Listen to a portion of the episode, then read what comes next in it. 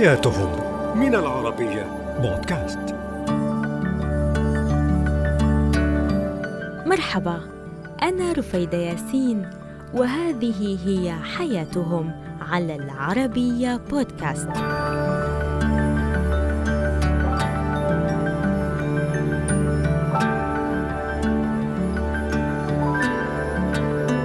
واليوم عندنا رحلة جديدة للتعرف على عالم مختلف.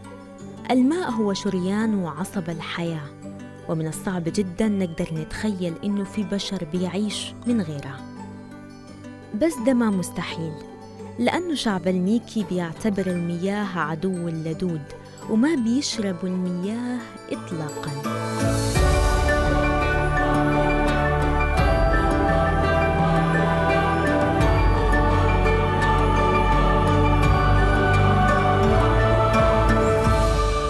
قبائل الميكي بتعيش من ثلاثة قرون تقريبا في غابة توليار شبه الخالية من السكان في جنوب غرب مدغشقر وبيختفوا عن الأنظار في النهار وبيظهروا فقط في الليل.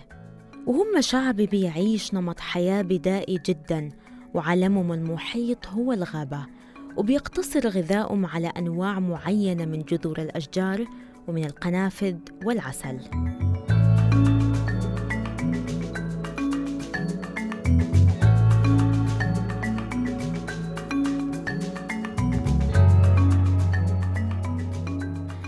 قليل جدا من المستكشفين والصحفيين والرحالة اتمكنوا من الاقتراب من شعب الميكي والتواصل معهم.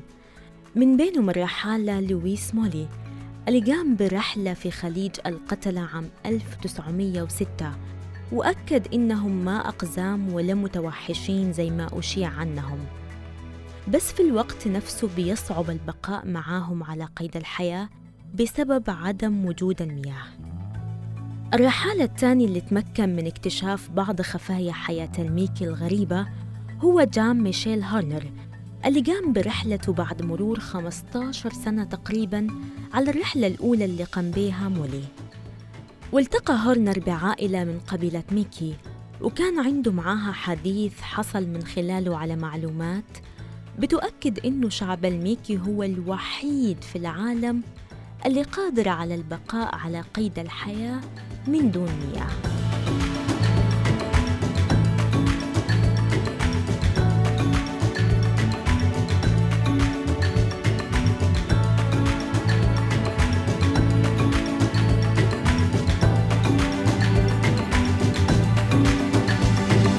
والميكي هم جماعة من الرحل اختاروا برغبتهم الابتعاد عن الحياة المدنية والبقاء فقط في الغابة.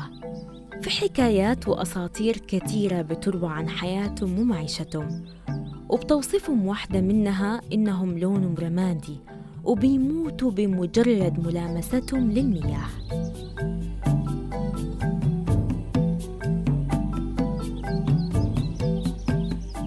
شعب الميكي بينقسموا إلى مجموعتين حسب ما أشيع عنهم هما الجيزو والماتيكورو.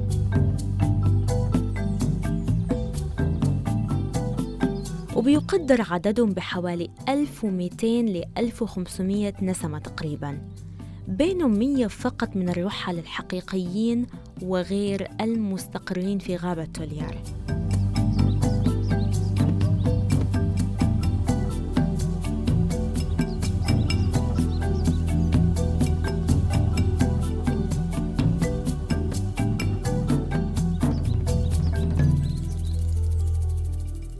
في اثنين صحفيين فرنسيين قبل سنوات طويلة هم ميشيل فول وجان كلود بتاتشيني كتبوا تحقيق مثير ومدهش وغريب عن حياة قبيلة الميكي في مجلة ريبورتاج الفرنسية.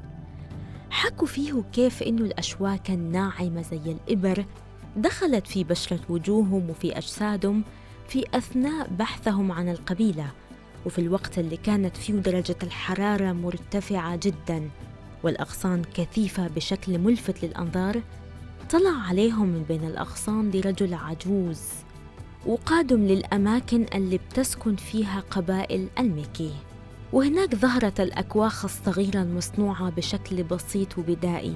حكوا الصحفيين إنه الرجال وقتها ذهبوا للتفتيش عن جذور البابو اللي هي الغذاء اليومي تقريبا بالإضافة إلى القنافذ.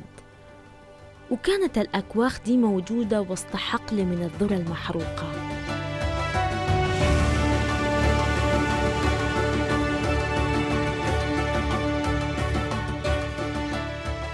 الرجال في شعب الميكي قيل إنهم بيختبئوا باستمرار وبيغيروا أماكن وجودهم كل ثلاث أيام تقريباً وما بيلتقوا أبداً بعائلات تانية لأنه الشرط الوحيد للبقاء بالنسبة لهم هو التشتت في الغابة لأنه ده بيسهل بقائهم على قيد الحياة وبيسهل عثورهم على الطعام في كل الفصول.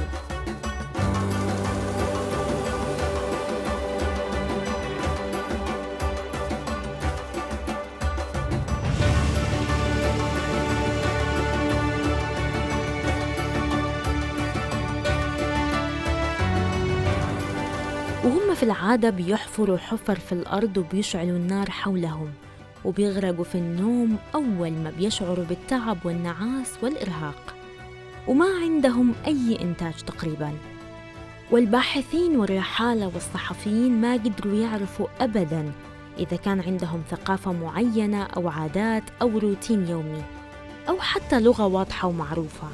غير إنه همهم الأول والأخير هو البقاء على قيد الحياة واستمرار وجودهم في الغابة. ببساطة لأن هذه هي حياتهم.